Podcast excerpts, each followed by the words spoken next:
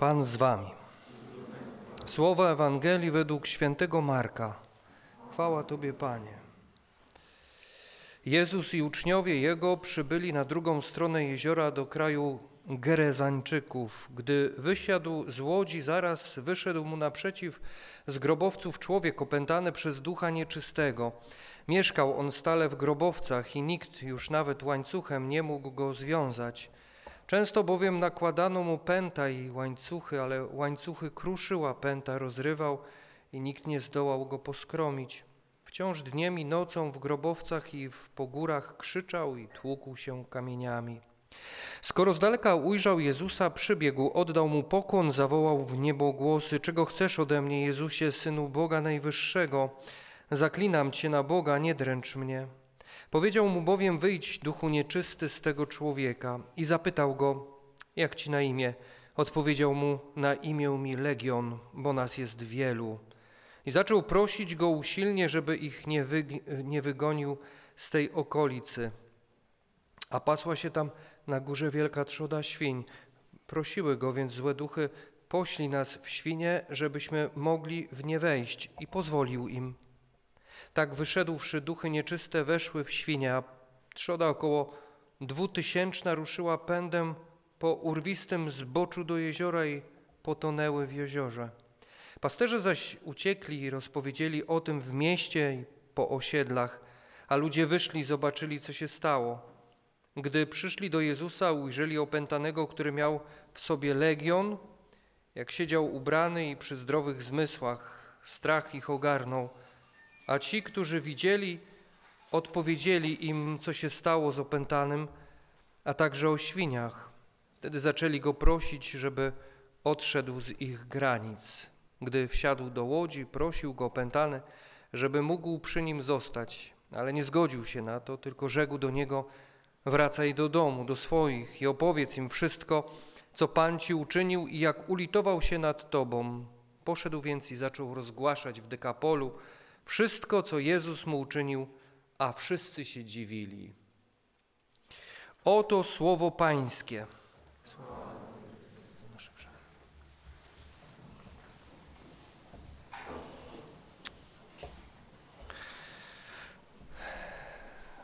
Powstań, o Panie, ocal moje życie. Słyszymy dzisiaj, znaczy widzimy dzisiaj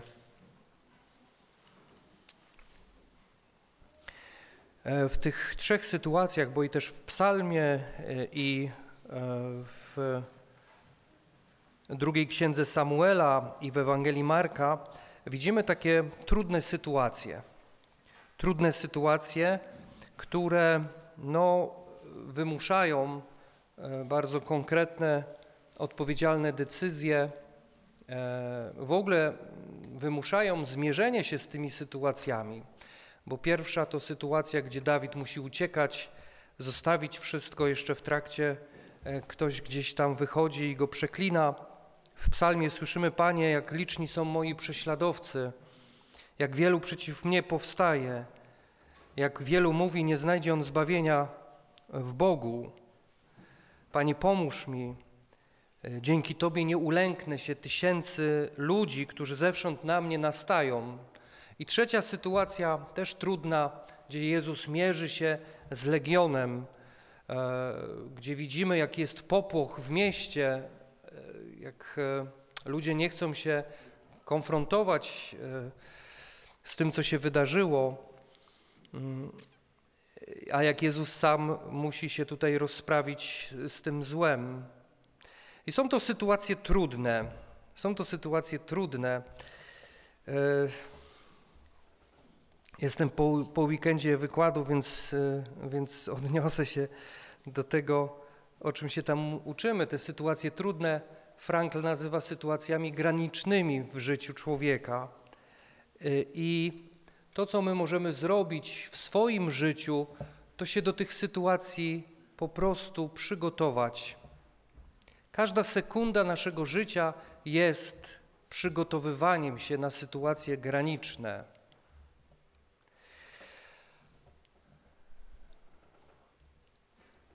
I powiem coś bardzo ważnego. Nie mamy czasu. nie mamy czasu. To nie jest tak, że zrobię to jutro, albo zrobię to za tydzień, albo za miesiąc. Po prostu tego, czego nie mamy, to na pewno nie mamy czasu. Jest trudna prawda, ale bardzo ważna. Niesamowite jest to, że po II wojnie światowej zauważyli to Amerykanie. I widząc to, badając to, ten fenomen, nie tego, że nie ma czasu, tylko e, tego, jak to jest ważne przygotować się na sytuacje graniczne, że wdrożyli w armii amerykańskiej program. Nazywa się on Spiritual Fitness. Kiedy wejdziesz na stronę Marines, amerykańskiej jednostki wojskowej, no bo dlaczego oni to zrobili? Dlatego, że wiecie, że koszt wyszkolenia takiego jednego Marines kosztuje bardzo wiele Amerykanów. Wyposażyć go w sprzęt, żeby on potem tego sprzętu nie zostawił na polu walki, żeby był bardzo skuteczny, żeby przeżył w tej swojej całej skuteczności, żeby nie trzeba było na następnego łożyć potężnych pieniędzy i żeby w tej walce, na polu walki był naprawdę bardzo skuteczny. Nie tylko przeżył, bo można się schować, prawda, i przeżyć, ale, ale żeby walczyć. Walczyć o swoją ojczyznę, być w tym skutecznym i jeszcze nie dać się zabić. I wiecie, nie chodziło tylko i wyłącznie o to, że e, Amery Amerykanie zaczęli ich wyposażać w coraz to lepszy sprzęt, tylko zobaczyli, że jest zupełnie coś innego ważne. I kiedy wchodzisz na stronę Marines, to czytasz coś takiego. Sprawność duchowa to termin używany do uchwycenia ogólnego zdrowia duchowego osoby i odzwierciedla, w jaki sposób duchowość może pomóc w radzeniu sobie z życiem i cieszeniu się nim. Duchowość może być używana ogólnie w odniesieniu do, do tego, co nadaje sens i cel życiu. Termin ten może być używany bardziej konkretnie, tak jak my to używamy w katolicyzmie, prawda? Mówiąc duchowość, mamy swoją duchowość, nasza wspólnota też ma swoją duchowość, ale duchowość jest bardzo szerokim, o wiele szerszym pojęciem i e, na to słowo duchowość tak naprawdę składa się sens życia i cel życia, tak? Naj, najprościej mówiąc, żeby tutaj nie kombinować. A więc oni mówią tutaj prawdę, dlatego że e, co drugie zdanie pra, prawie e, cytują Frankla. Termin ten, to już powiedziałem, duchowość uzewnętrznia się na dwa podstawowe sposoby.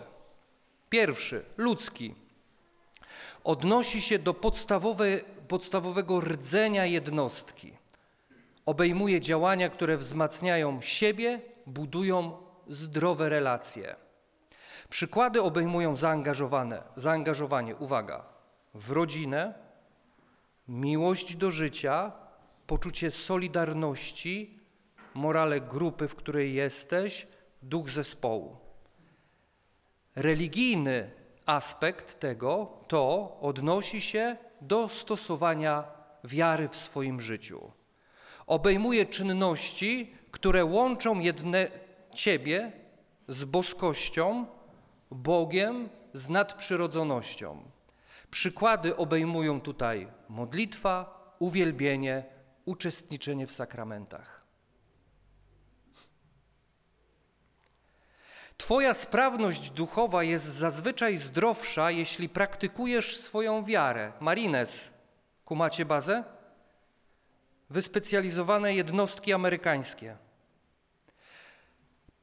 przekonania i inne czynności, które wspierają Twoją duchowość. Twoja sprawność duchowa jest zwykle mniej zdrowa, jeśli zaniedbujesz praktykowanie swoich wierzeń, przekonań i innych czynności, które wspierają Twoją duchowość. Aby dowiedzieć się więcej o sprawności duchowej, skontaktuj się z kapelanem swojej jednostki.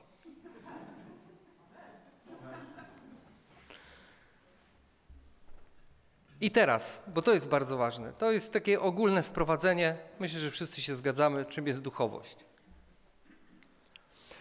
Siedem wskaźników sprawności duchowej Marines. Pierwszy. Sens, cel życia. To jest pierwsze. Czy jest Twoje życie sensowne? Czy ma, masz w swoim życiu sens i cel w życiu? Dwa. Nadzieja na przyszłe życie, na przyszłość. Trzy. Rozsądne decyzje moralne. Cztery. Zaangażowany w rodzinę i swoją społeczność. Pięć. Czy potrafisz wybaczyć sobie i innym? Sześć. Szacunek dla innych. Siedem. Zaangażowane w wartości wspólnoty, w której jesteś. To jest siedem wskaźników, i oni są w stanie sprawdzić, na jakim etapie swojego życia jesteś, sprawdzając te wskaźniki poprzez na przykład testy. I teraz możesz być na czterech poziomach rozwoju swojej duchowości. Pierwszy, jesteś w formie, czyli wszystko jest właściwe, możemy posłać cię na pole walki, naprawdę będziesz walczył jak lew o siebie i o swoją jednostkę, o swoich żołnierzy, którym, z którymi walczysz. Drugi poziom zestresowany. Trzeci poziom wyczerpany. Czwarty poziom odwodniony, zdrenowany, wyczerpany na maksa. Czyli to jest ten, który po prostu poległ we wszystkich tych siedmiu punktach, y, które przed chwilą słyszeliście. Nie wiem, czy zauważyliście, jak oglądacie filmy amerykańskie o wojnie w, w, w, Afganistanie, w Iraku, w różnych tamtych miejscach, gdzie oni, gdzie oni tam stacjonują. Czy na przykład Helikopter w ogniu, przepiękny film, oglądałem go chyba już kilka razy, naście razy. Jak Braveheart, no ale to nie jest o, Braveheart nie jest o tych, o amerykańskich jednostkach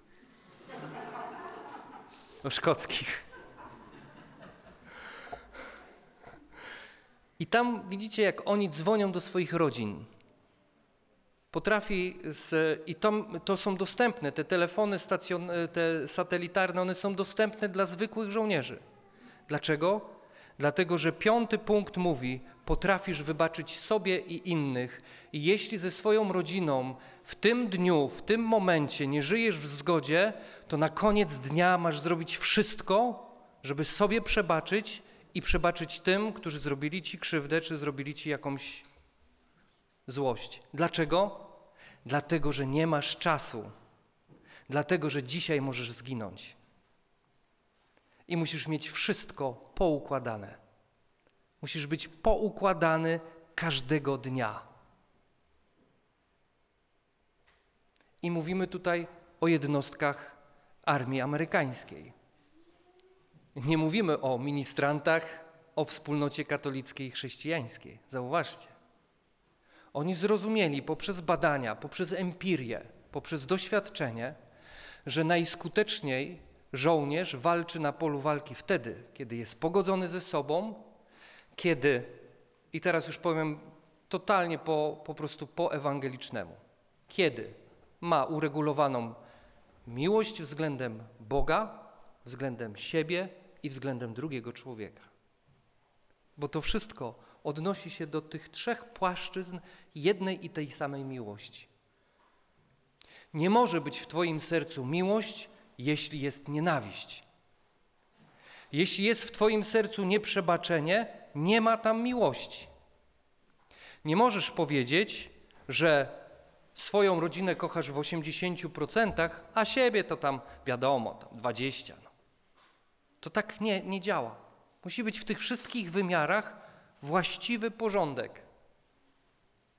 Wtedy jest szansa w stu procentach, że kiedy będziesz miał taką sytuację jak Dawid, czy taką sytuację jak, jak w Psalmie trzecim, Kiedy będziesz miał taką sytuację jak Jezus dzisiaj, dasz radę. Bo będziesz wyposażony w to wszystko i będziesz cały czas gotowy na to, żeby z tymi sytuacjami granicznymi się zmierzyć i dać sobie z nimi radę. Miłość do Boga to jest to, to odniesienie do absolutu. Tam jeszcze jest, jeśli jesteś chrześcijaninem, to Twoje życie duchowe polega na tym, by zdobywać Ducha Świętego i go szukać. Tak jest tam na tej stronie. Kiedy jesteś muzułmaninem, to to, to i to. Kiedy jesteś buddystą, to to, to i to. Jakby jest szerokie wachlarz, prawda, tych różnych e, e, w ekspresji duchowości w świecie. Ale jest to odniesienie do Boga, do nadprzyrodzoności. Dalej, czy potrafisz, jeśli e, e, musisz zadziałać, tam jest właśnie w tym zestresowany, wyczerpany czy odwodniony, jeśli żyjesz w poczuciu winy, trzeba jak najszybciej zadziałać w stosunku do tego żołnierza, bo nie ma tutaj miłości do siebie samego. I dalej dać mu wszelkie możliwości do tego, żeby skomunikował się ze swoją rodziną, jeśli jest między nim a jego żoną albo jego dziećmi nieprzebaczenie. I oni na to stawiają. I są skuteczni. Nie pomijają tego, tej płaszczyzny, tej przestrzeni. A wiecie, my bardzo często, nie? A tam modlitwa, nie? Na koniec, nie? A tam Pan Bóg sobie poradzi, nie? A, a, e, sens, sens życia, nie? A tam wszystko jest bez sensu. Nic mi się nie chce, nie? Nawet jakbyśmy tutaj e, e, poprosili każdego z nas, żebyśmy e, napisali tak, taką rozprawkę na temat tego, dlaczego jestem tu, gdzie jestem. Ale od samego początku, od początku stworzenia, to byśmy nieźle tam pisali różne dziwactwa, nie? A by się, oj, pojawiłoby się pewnie dużo rzeczy niezgodnych z nauczaniem Kościoła. Ale to jest istota, my musimy znać swoje początki. My musimy wiedzieć, dlaczego jesteśmy, z jakiego powodu tu jesteśmy, po co jesteśmy i dokąd zmierzamy.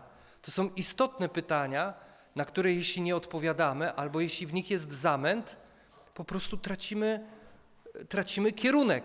Nie wiemy, dokąd mamy iść.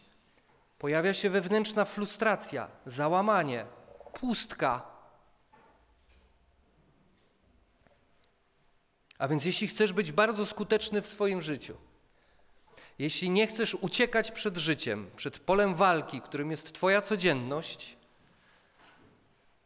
Zbadaj siedem wskaźników sprawności duchowej i zobacz, na jakim poziomie swojej duchowości jesteś. I kiedy tego wczoraj słuchałem na wykładach, bo nasz wykładowca, z, e, mieliśmy o traumie egzystencjalnej, o traumatycznych e, wydarzeniach i jak sobie z nimi radzić. I on właśnie zaczął nam o tym mówić. I kiedy e, zacząłem to zgłębiać, bo to jest bardzo świeże, więc dzielę się z wami naprawdę taką świeżynką, sobie pomyślałem, i teraz tu się zwracam do naszego lidera Wojciecha i, y, i lidera młodych Jakuba.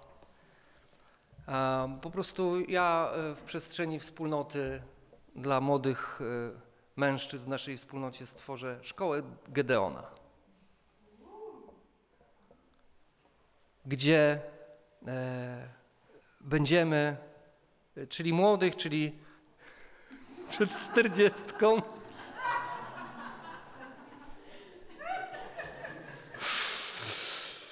Może jeszcze parę dni, żeby się zapisać.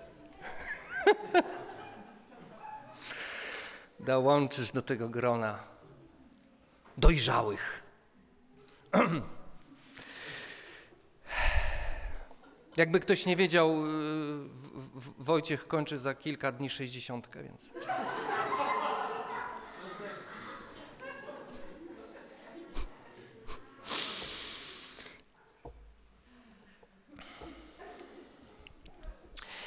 I troszeczkę zmodyfikowany ten, ten, ten wskaźnik sprawności duchowej, ale mam takie przekonanie, że e, oczywiście nie deklarujemy tutaj nic, bo już widzę, jak oknami i, i drzwiami się będą wszyscy do tego e, zawierać. ale wiecie, są eksodusy, różne są programy dla mężczyzn, nie? Ale myślę sobie, że to jest po prostu petarda petard. Eee, też nie mają, oni już nie mają czasu. Ale rozumiecie, e, żeby porządkować każdego dnia swoje życie, żeby być gotowym na tą prawdę, że już nie mamy czasu. Żeby być gotowym w każdym momencie swojego życia. To nie jest chuchanie na zimno, tylko to jest po prostu prawda życia. Po prostu tak jest. A więc módlmy się o to, e, żeby się to zadziało w nas. E, e, Kształtujmy się wspólnie razem, odkrywajmy ten sens życia, sprawdzajmy się, na którym poziomie jesteśmy duchowości. Ja oczywiście wiadomo, że to jest fit, nie? No. Spiritual fitness. Ci to potrafią wszystko wymyśleć, po prostu wszystko, zdefiniować, po prostu zbadać, opisać. To jest no, takie amerykańskie. Nie? Amen.